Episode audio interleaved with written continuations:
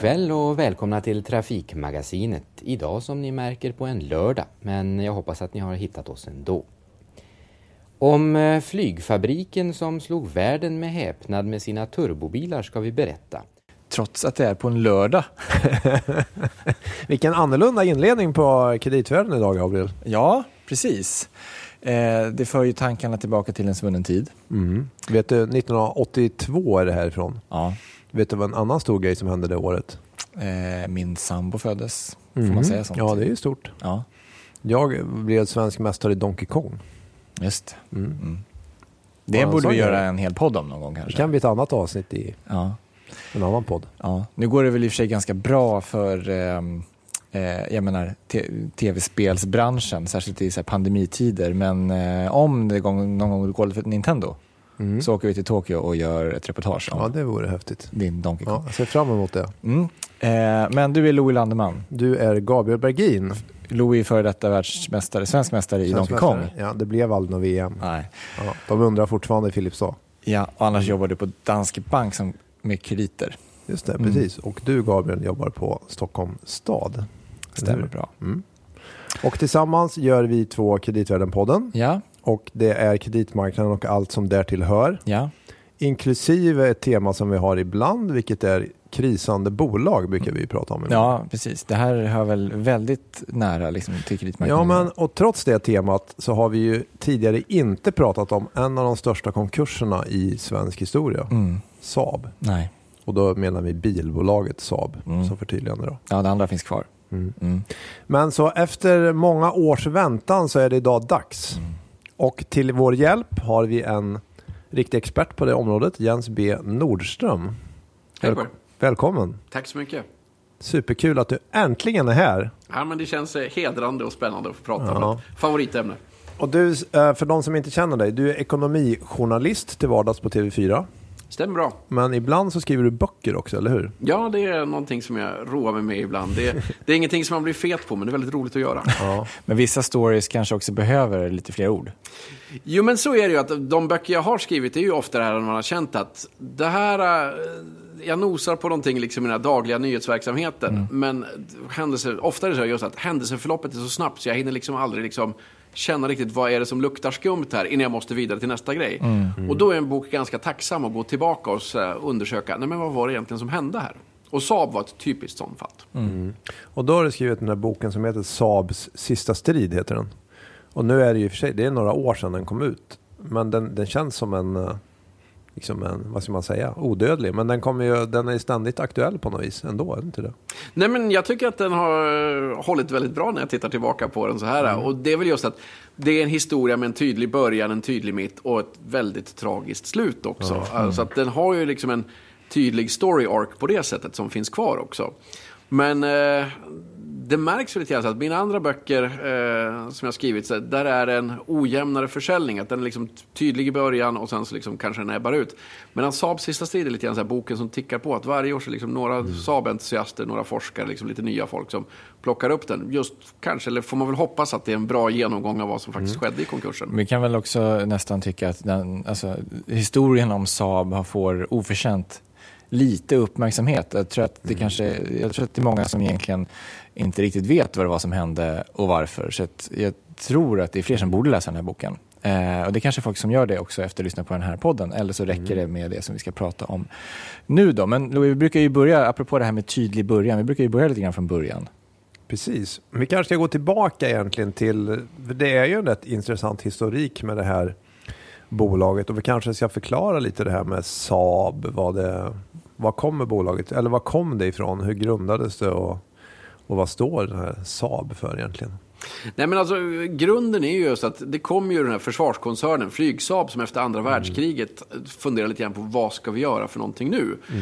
Och en ganska tydlig spaning då var att liksom massbilismen står framför oss här just nu. Bygga bilar är nog kanske en rätt smart grej. Men, och det är någonting som, gen, som är genomgående i Bilsaabs historia. Att då bestämde man sig för att göra det, men man fick egentligen inga pengar för det. Och det bedrevs lite grann som en grillarörelse. Att en liten grupp Saab-medarbetare bankade ihop en prototyp, den så kallade ursaaben. som en oerhört vacker strömlinjeformad. Det var så Den är aerodynamiken var på liksom, framsidan på din Ja, bok den finns på. Mm. framsidan på min bok och det är för att jag tycker den är så vacker just den här ursaben. Ja, håller med. Och eh, den gjordes ju, man brukar prata om att det är ett antal, de, de, de flesta som gjorde den hade inte ens körkort. För att, det var liksom, för att bil, det var ingenting som gemene man i Sverige hade just då. Men man såg att det här är en produkt som är på frammarsch, det här kommer vi behöva. Och så sen så då fick man då ett godkännande från ägarna att, ja men okej, det här kanske vi kan, det, men det får inte kosta för mycket. Det är väl liksom fortfarande eh, flygplanen som är det som ska stå i centrum. Just det. Och sen så inledde man ju då produktion av bilar och eh, det var ju hela tiden det problemet liksom att de som ägnade sig åt bilarna på Saab ville ju ha mer pengar och göra liksom nya modeller och det här satt alltid väldigt långt inne. Så varje gång Saab ska liksom göra en ny generation bilar så är det enorma eh, våndor och kval och liksom att krama pengarna ur ägarna för att få liksom de här utvecklingspengarna. Det är ju som att krama vatten ur en sten. Och en del gånger sker det ju liksom under nästan en kuppartade form att de mer eller mindre tvingar igenom en ny bilmodell. Man gör det lite i hemlighet nästan. I. I princip så. Bland annat övergången till V4-motorer, det. var ju lite grann så att då gick de och pratade direkt med familjen Wallenberg och sa vi vill göra det här och så fick man tillåtelse att bygga liksom ett hundratal bilar med V4 som man liksom provsatt ut på marknaden. Och när det såldes som smör i solsken så liksom tvingades ju företagsledaren säga att ja, vi gör väl så då. Men det är hela tiden lite grann på undantag. Men det här passar ju det svenska folkhemmet som hand i handske. Eh, så att de här Saab-bilarna säljer ju väldigt bra i Sverige och det är ju väldigt många i den äldre generationen svenskar som har växt upp med en Saab i familjen. Ja, absolut. Och det finns många Saab-entusiaster också, som du säger. Så är det. så verkar det alltid ha varit. Så har det alltid varit och det är väl så här, lite grann det finns ju massa talesätt att, liksom så här, att man marknadsför sig som liksom förarens bil. Man brukar säga att en Volvo åker man men en Saab kör man. Liksom, så att det, och man hade de här rallyframgångarna. Så det var så man marknadsförde den.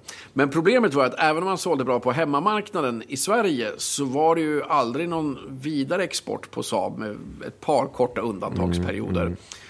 Och, det var, och det har väl liksom lett till det här uttalandet också att Saab är en bil som älskas väldigt mycket av väldigt få. Och det är väl liksom någonting som kanske har följt det här bilmärket genom åren, att det har varit väldigt omtyckta bilar i vissa grupper. Och vissa Men- perioder så att säga. Eller liksom. Men egentligen, då, som säger, också väldigt få år som man var lönsam egentligen. Eller som bolaget var lönsamt. Så är det ju. Och sen så är det alltid så här att Saab-entusiasterna då brukar alltid säga att ja, men det är svårt att säga för att först ingick de i flyg och då liksom så där kunde man manipulera bokföringen. Men om man tittar liksom bakom siffrorna så är det ganska korta perioder. Ja. Och om vi ska titta på det finns liksom så här, de gyllene åren som jag tror Saab-entusiasterna alltid tittar tillbaka på. Så är det ju tidigt 80-tal, just när Just det. Trafikmagasinet-vinjetten ni körde här. Vet du vad, jag tror faktiskt, ska vi inte lyssna lite Jo, på... ehm, det är från den tidiga 80-talet. Ja, en lite, lite, lite längre in i det här teknik, Trafikmagasinet-avsnittet så får man också en känsla för hur Saab uppfattas då. Idag är Saab för många symbolen för en säker och exklusiv personbil. Men eh, på 40-talet var det flygplan som lämnade fabriken här i Trollhättan. Mot krigets slut ville man bredda programmet och flygledartorn och hangarer blev bilfabrik och så är det än idag. I år tillverkar Saab totalt 85 000 bilar. Här är det modell 900, den mest exklusiva. Saab 99, den enklare, den byggs numera i Finland. Saab har långt kvar innan fabriken når samma grad av automatisering som många konkurrenter. Men till skillnad från många konkurrenter så är facket hos Saab positivt till att krävande jobb som till exempel punktsvetsning övertas av robotar. För det här är väl en av, en av de, så att säga, de gyllene delarna av 82-lanseringarna. Nej men det är ju då Saab ligger helt rätt. Då har man ju, Saab uppfinner ju inte turbon, men de är ju de första som liksom gör den pålit, pålitlig och liksom lyckas massproducera för personbilar. Så Saab 900 Turbo, det är ju bilen som hela världen vill ha. Och jag eh, hittade så här... Jag, 70, 78 kom Saab Turbo. ja, precis. Och det är lustigt också med benämningen lyxbil. Det kanske inte samma i, back, med, liksom i backspegeln tänker på Saab. Alltså klart att det var en premiumbil på många sätt, men ja. Nej, men jag hittade en amerikansk tidning faktiskt, för tidningen Spy, som liksom hade sin storhetsperiod mot slutet av 80-talet. Och jag tror det är ett nummer från 86 där de liksom pratade så här. är du en riktig yuppie, liksom, så här, vad ska du ha? Då liksom går de igenom så här, liksom, så här, till så här, Bang Olufsen stereo ska du ha, bubbelpool och en svart 900 Saab Turbo. Liksom. Så att det här är ju bilen som är hetast i världen just då. Och sen får man också säga att det här är ju det som kanske Saab-älskarna inte talar lika högt om. Att det här sammanfaller ju dessutom med att den socialdemokratiska regeringen i Sverige devalverar den svenska kronan i flera omgångar. Så Saab får ju liksom en jätteskjuts också i försäljningen utomlands av det skälet. De här Saab-bilarna är ju liksom på någon slags ständig rea också i omvärlden tack vare de ständiga devalveringarna. Men det gör ju att här, den här bilen gör ju verkligen sitt segertåg över vägen. Och då tjänar ju Saab under ett par års tid väldigt bra med pengar. Ja, just det. Precis. Men sen eh, efter de här goda åren så är man tillbaks igen till någon form av problemsituation lite grann va, i slutet på 80-talet.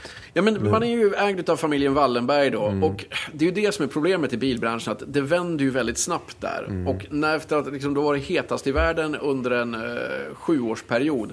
Så liksom helt plötsligt liksom vänder det och så gör man 200 miljoner förlust första året. Och sen så liksom gör man en miljard i förlust nästa år. Och familjen Wallenberg känner väl liksom att det här har inte vi råd med. Det här, är- Vi har tillräckligt med problem på annat håll. Vi måste hitta liksom någon partner här. Och då letar man ju runt i världen och försöker hitta liksom, okej, någon annan som kan ge sig in i det och gärna någon som har lite know-how. Och då är det så att då har ju precis General Motors varit inne och tittat på Jaguar. Eh, men förlorat den budgivningen till Ford, ärkerivalen. Och lite grann så, här, brukar man ju förklara med att ja, men GM skulle hitta någonting som var ungefär som Jaguar. Och det närmaste man man kom var Saab. Och då kan man förstå att liksom, kanske redan från början så är det här äktenskapet inte helt lyckligt. Det man får är ju inte en Jaguar på något sätt. Det är ju ett egensinnigt svenskt märke med o- oerhörd teknisk kunskap på vissa områden. Men kanske inte liksom det här varumärket som Jaguar hade. Mm. Jag tror att du kommer, du kommer berätta om en liknande event fast med kineser istället för amerikaner då. Lite senare i den här podden om just det här tänket att man måste ändå hitta en, någonting att köpa. Ja, nej, men precis. Och Mm. det där är ju någonting som bilindustrin återkommer till lite grann. Så att, ja, men helt plötsligt liksom, alla andra verkar köpa någonting sånt här. Vi måste göra någonting liknande. Något europeiskt. Ja. Och så slår man till på någonting Ja. lite grann. Men då köper man 50% först, Ja. eller hur? Och sen så Och liksom, det är 1990 va? Ja, och då får ju Saab liksom pengar till att fortsätta utveckla bilar. Och man har Mm. en ny, under ett par år så kommer ju Saab 9-5, Saab 9-3 där under tidigt 90-tal. Men familjen Wallenberg märker man ju hela tiden liksom är på, sitter på gärdsgården liksom lite grann. Så att, visst, vi har en lång historik med bolaget, men man når aldrig de här liksom försäljningsmålen. Det är liksom något som återkommer hela tiden i Saabs Och historia. flika in en grej där också. När man säljer dem 1990, då är det väl så, då är väl Saab en del av Saab Scania, eller hur? Så är det. Så att där gick man in någon gång i slutet på 60-talet, man slog ihop dem med lastbils. För man, jag vet inte, man tänkte väl att det fanns synergier och så. Så är det, och det lyckas man ju aldrig realisera. Nej. Så att man gör ju den här splitten då, liksom, att man får ett försvarssaab, man får det. lastbils, eh, ja, Scania blir det ju Ja, då, och det. sen så får man bilsaab. Man delar upp det. Så man delar Mm, upp ja. det. Och eh, Wallenberg sitter ju kvar med 50% ägande, men efter eh, ett par år så säger man till slut att nej, det här liksom Mm. är inte framtiden. Det är bättre att de får en ägare och så säljer man resterande till General Motors. Just det. Och det är väl eh, typ kring år 2000 och sånt där va? Är det inte det? Så är det. Ja, just det. Och eh, då är det liksom att General Motors har någon slags vision, men problemet är att den visionen man har och det de anställda på Saab ser som sig själva, de har svårt att gifta ihop. Att General Motors har då en tanke att de äger även Opel i Tyskland. Det. Tanken är liksom att vi ska samordna Saab och Opel. Liksom, så här, det. Mm. Och det här är liksom någonting som eh, vi, ja, men, tekniker ofta liksom pratar väldigt mycket om att GM hade liksom hela tiden så här att okej, vi har de här Opel-delarna. Ni får bara använda dem och ingenting annat för att bygga en ny Saab. Och så börjar de här ingenjörerna som är oerhört kvalitetsmedvetna i Trollhättan och tittar på det. Ja, men den här är ju inte så jävla bra. Äh, borde vi inte kunna göra den här lite bättre? Och så börjar de bygga om och det innebär liksom att de här Opel-delarna blir ju aldrig liksom bara rent använda utan liksom Saab förbättrar hela tiden allting.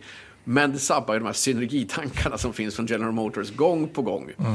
Det kanske till och med liksom har en motsatt effekt Ja, men lite jämfört grann. med att köpa bättre kvalitetsdelar från början. Ja, nej, men precis. Att det, är så här, det är ju mycket workarounds och det gör ju också att det finns en irritation inom vissa led i Detroit, eh, i Renaissance Center där eh, General Motors sitter. Att det är en del som tycker, varför kan inte Saab bara göra som de blir tillsagda? Samtidigt så finns det också ett antal chefer i General Motors som är väldigt förtjusta i Saab. Så att det är så här, det liksom finns de här liksom motstridiga Mm. impulserna. Men hela tiden så är det ju Saab lite styvmoderligt behandlat. Och det Detroit. skapar väl också en väldig frustration hos Saab. Att man gentemot sin ägare då antar jag att man känner att GM bara hindrar oss hela tiden och vi får inte göra det vi vill och de drar ner på, på pengarna och, och så vidare. Det finns ju en miljard sådana stories eh, bland Saab-anställda och Saab-entusiaster. Och ett tydligt sånt exempel var ju liksom att Saab ville ju jättetidigt göra en SUV. Man liksom såg att det här är någonting som vi tror kan tänkas komma och vi har liksom en plan på hur vi skulle kunna bygga liksom en, eh, ja, men en, cro- en SUV av någon form. Och GM sa nej och nej och nej och så liksom till, och fick inte igenom någonting. Och så till slut när liksom alla andra, och de verkligen är sist på bollen, då får de pengar för det. Och det är klart, den sortens beteende föder ju ett missnöje. Det är klart att liksom många på Saab såg att vi har ju massa goda idéer som, när vi nu ser liksom hur det går ett par år senare så hade de förmodligen kunnat tjäna oss ganska mycket pengar. Men vi har inte ägarens förtroende riktigt på det sättet, området. Nej, precis. Och sen eh, om vi då hoppar lite framåt så blir det ju då att, och här kommer vi faktiskt att tangera på ett gammalt avsnitt som vi har gjort i kreditvärlden Gabriel. Men tänk dig kring General Motors. Att de här prob- problemen som blir större och större för de amerikanska biljättarna som lite grann havererade under finanskrisen. Nej, men jag jobbade ju i USA under finanskrisen och det var ju fascinerande obehagligt att se liksom att när Lehman Brothers går omkull så tvärnitar ju hela den amerikanska ekonomin. Och jag minns att jag då var ute och gjorde en intervju med en amerikansk bilhandlare som sa liksom, vi säljer inte bil, det, liksom, det, finns, det går inte att sälja en stopp. bil just nu, det är bara tvärnit.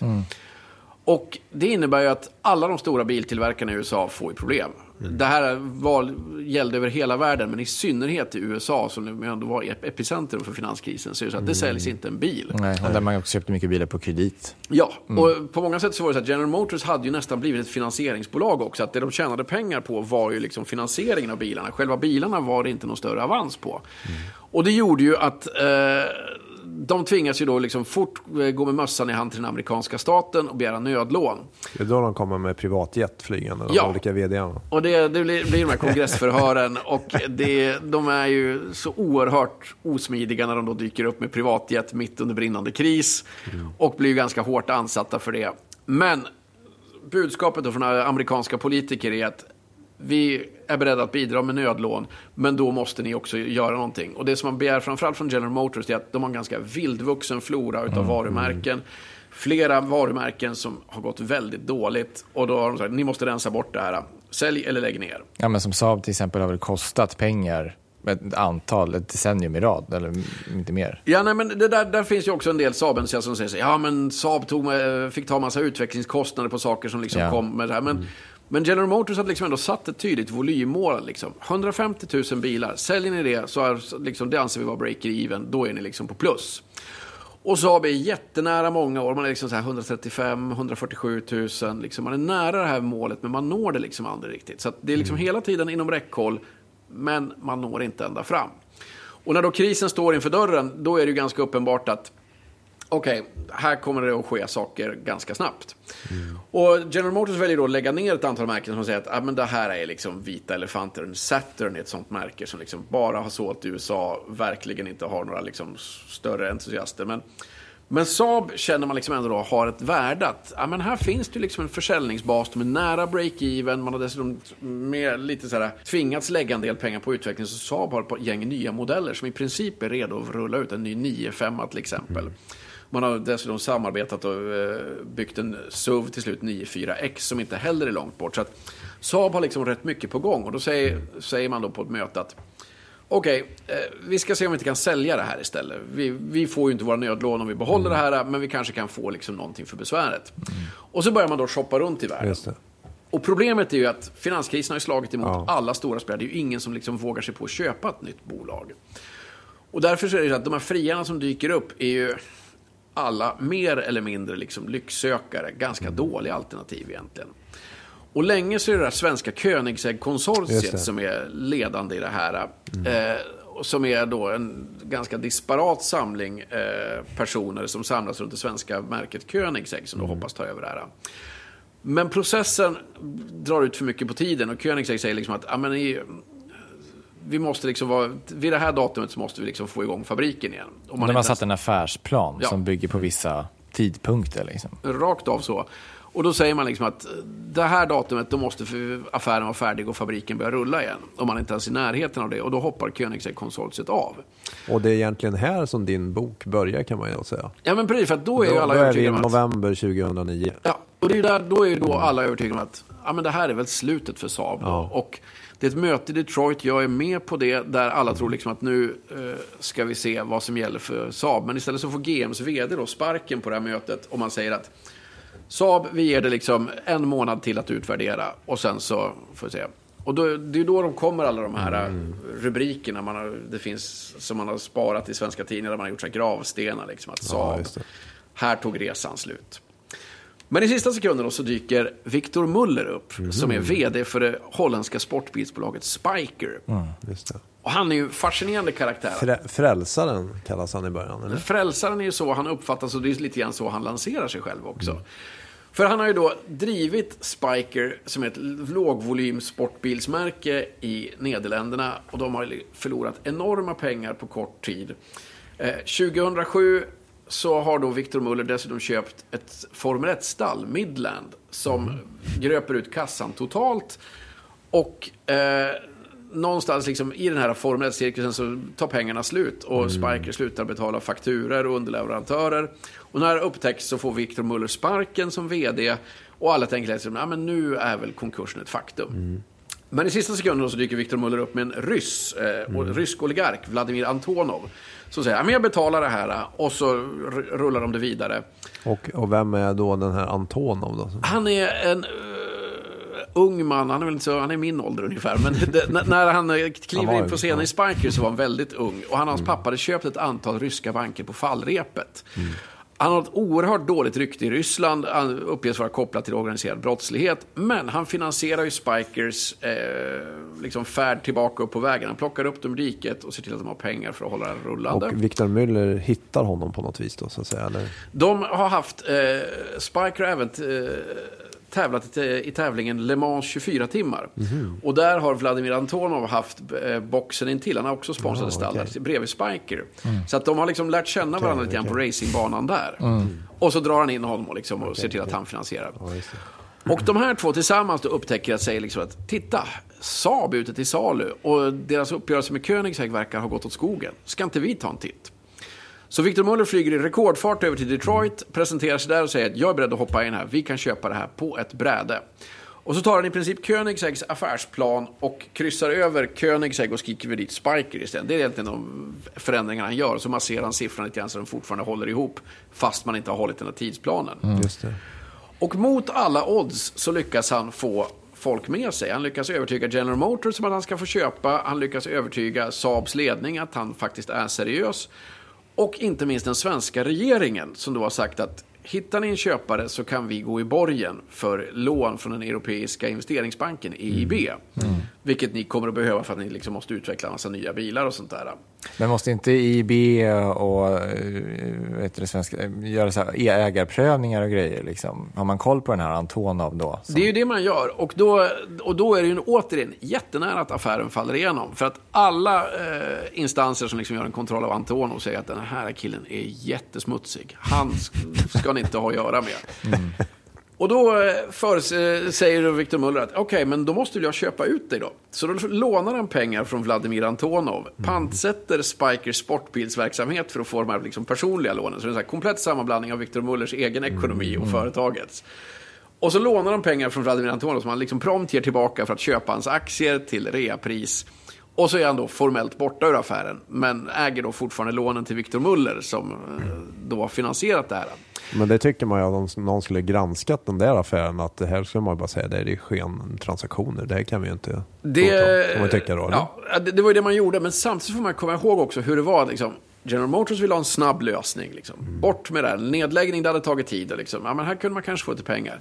Den svenska regeringen hade ett val under Mm. uppsegling. Att gå in i en valrörelse med ett konkursat Saab Automobil om halsen. Det hade inte varit någon fjäder i hatten för Maud Olofsson som var näringsminister då. Mm. Att, Facket står väl också liksom utanför fabriken och säger "Sä- sälj Saab. Ja, liksom. det är, det är ner." liksom alla, och det är väl liksom det som tror jag är grunden till den tragedi som följer.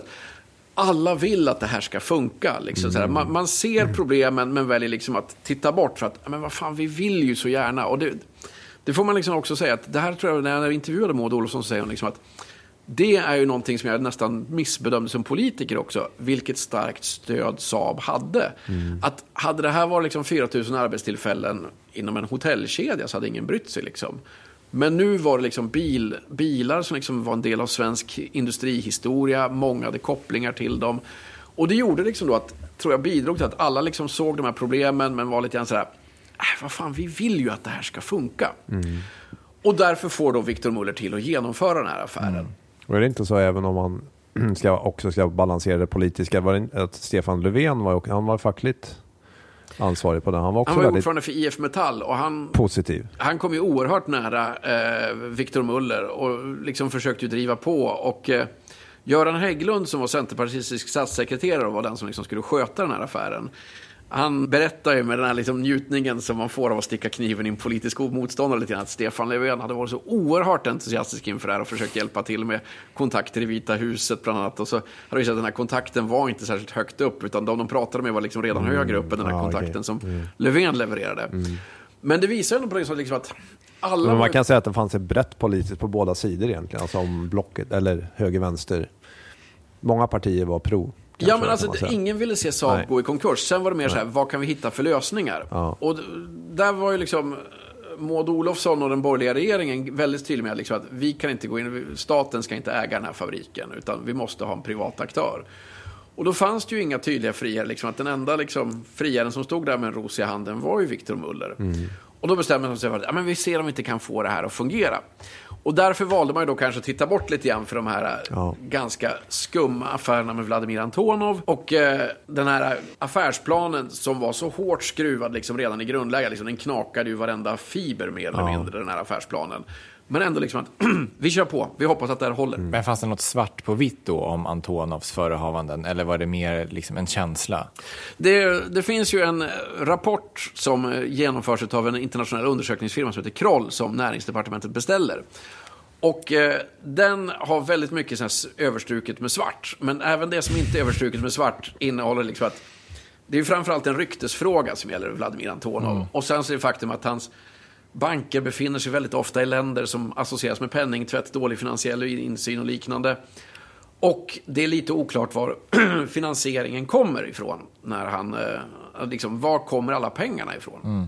Mm. De farhågorna kommer visa sig vara helt korrekta också senare. Mm. Att det, men just där och då så säger den svenska regeringen att vi har lite svårt att vara liksom bad guy här. Så därför låter man General Motors, som inte heller säger liksom att den här Nej. Antonov vill inte vi ha att göra med. Så därför så har väl Göran Hägglund någon gång mellan skål och vägg, när jag frågat honom, så har han sagt att vi lät General Motors ta den striden. Vi tyckte precis likadant, men det var lättare för oss att liksom låta General Motors vara bad guy och säga till honom att Antonov måste ut. Mm. Och då fixar han de där affärerna och sen kan man då köra igång. Lite grann, eller? Ja, det är väl lite grann så det utspelar sig i alla fall. För det är då liksom mm. Victor Muller kommer till Trollhättan. Det är liksom, det är en, det är så enormt mycket som händer. Det är presskonferens ja. här i Stockholm. Jag är där och träffar Victor Muller lyckas göra honom arg genom att ställa frågan om han är en ormoljeförsäljare, tror jag var formuleringen jag använde. kallades för det i Holland? Eller? Ja, ja, ja, men jag hade sett någon sån rubrik. Och ja, det, det var inte så uppskattat. Nej, det, men... Vad konstigt. Det, ja, precis. Jag ville väl se vad de fick för reaktion lite grann också. Ja, men då i alla fall, så, sen så direkt efter en presskonferens så åker han ner till Trollhättan. Och det är han och Jan-Åke Jonsson som har varit vd för mm. Saab Automobil.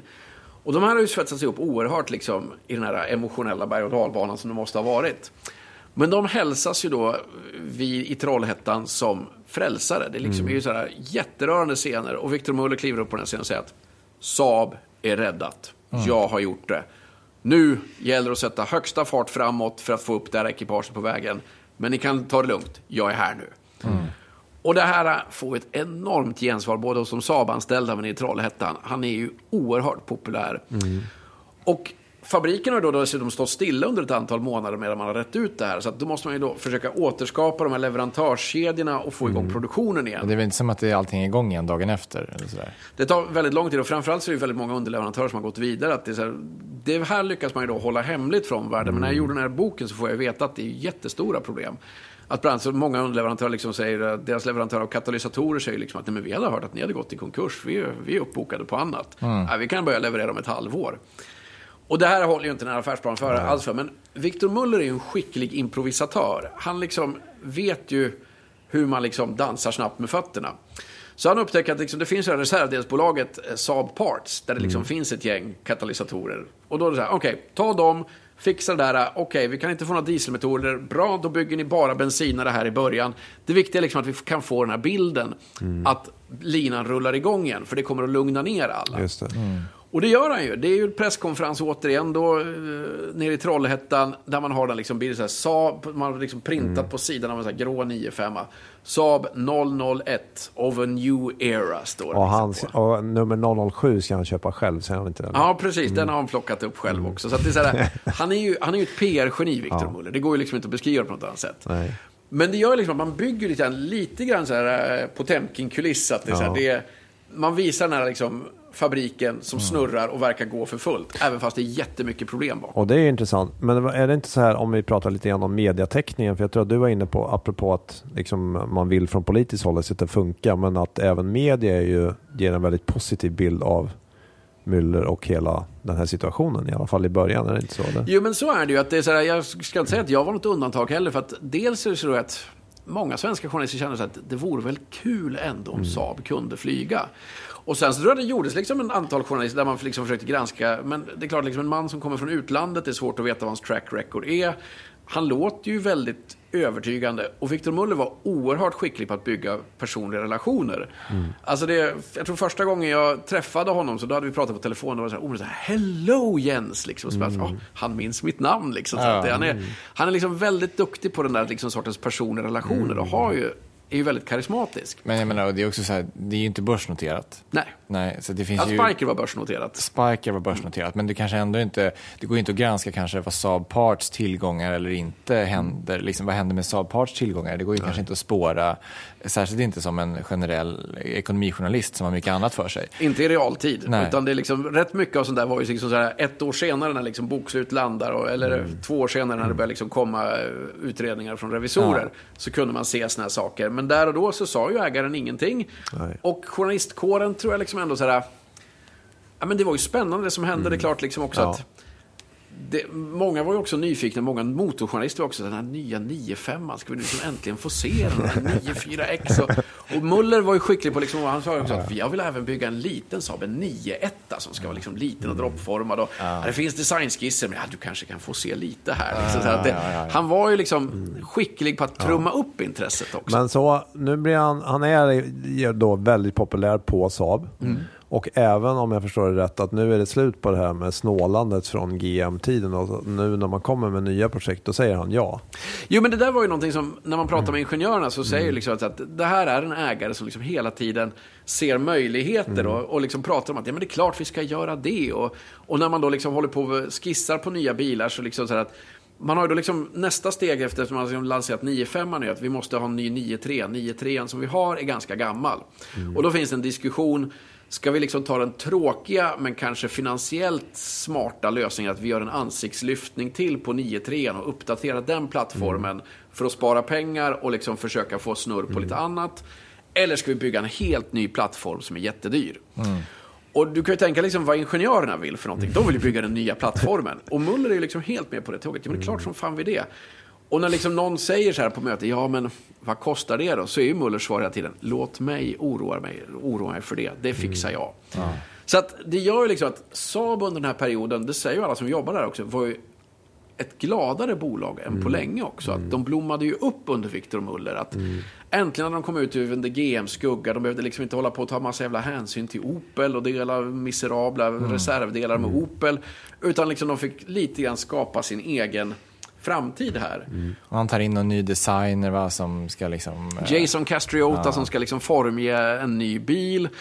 Och det, liksom, och det börjar liksom göras designskisser på allt möjligt. Liksom det ska bli en ny tung Saab, en ny 9-7. Och liksom, han har liksom, Muller tänker sig hur många bilar som Ja, helst där framöver. Och hela tiden liksom att Muller låter så här avslappnad när det här, det är att han tror ju hela tiden liksom att om det blir ont om pengar, då kommer Vladimir Antonov att släppas tillbaka in i värmen. Att då kommer han, och det, ja, han har ju liksom obegränsat med pengar via sitt bankimperium där, så att då kommer det liksom att lösa sig. Så att, och det visar sig vara en enorm felbedömning från Victor Muller senare. Men jag tror det är liksom det som driver honom Ja, hela tiden, att han, att han liksom inte håller i kostnaderna här i början. Mm. Och då har man ju en, den här affärsplanen och den visar liksom att man ska sälja om det är ungefär 50 000 bilar första året. Mm. Och man är inte ens i närheten av det. Man liksom säljer ungefär hälften. Mm. Och det går knackigt. Men hela tiden så liksom finns det de här nya projekten. Och jag, jag är nere på bilmässan i Genève där man presenterar en ny konceptbil. Saab Phoenix heter den. Som är Just det, oerhört det. futuristisk. Ja. Och det liksom gör att det hela tiden Det liksom nästan- finns nya spännande grejer. Det är nästan värt att googla fram det på, eller hitta på YouTube. För det finns ju kvar Saabs gamla YouTube-kanal, ligger liksom fortfarande live. Och där kan man ju titta på bland annat när de, den här Jason Castriota presenterar bilen. Det låter som i, om ni har sett iPhone-presentationerna, när chefdesignern för iPhone berättar om liksom, de nya, hur, hur han har tänkt och liksom, den, den naturliga flödet och bla bla bla. Det är, liksom, det är samma känsla, det är liksom framtid som man försöker skapa. Jo, men det är ju det. Och rätt länge där, och det där första året, så ser det liksom bra ut. Och Victor Muller gör en del rekryteringar utav Och det liksom är alla tju- folk. 2010 här. Ja, precis. Och det, under 2010 så ser det väldigt bra ut, för Mm. Victor Muller gör en del rekryteringar och får in liksom en del människor i bilbranschen med väldigt gott rykte. Och han liksom målar den här bilden utåt att det här är på väg att bli en jättesuccé. Och det är väl också det man försöker eh, framvisa då ett år efter att köpet gick igenom. Vad är det? I mars 2011. Men vi kanske måste spara det, Louie, tänker jag. Men eh, vad tror du Gabriel? Det här måste nästan bli två avsnitt. Exakt. Ska vi tänka oss att vi inleder nästa, att vi eh, tar vid där? Mm. Jag tror det. Om det är okej låter Jens. Ja, ja, det, Du kommer tillbaka? det får ni bestämma. Ja. Men då kan vi säga att då slutar vi avsnitt ett lite på uppgång. Ja, Det känns som vi är på gång här. Victor Müller verkar... jag har en låt. Har du? Ja. Vad härligt. Ja. Vad ska vi få lyssna på? ja men vi, du får höra när eh, avsnittet är slut. Härligt. Ser fram emot det. Så hörs vi snart igen Och på återhörande.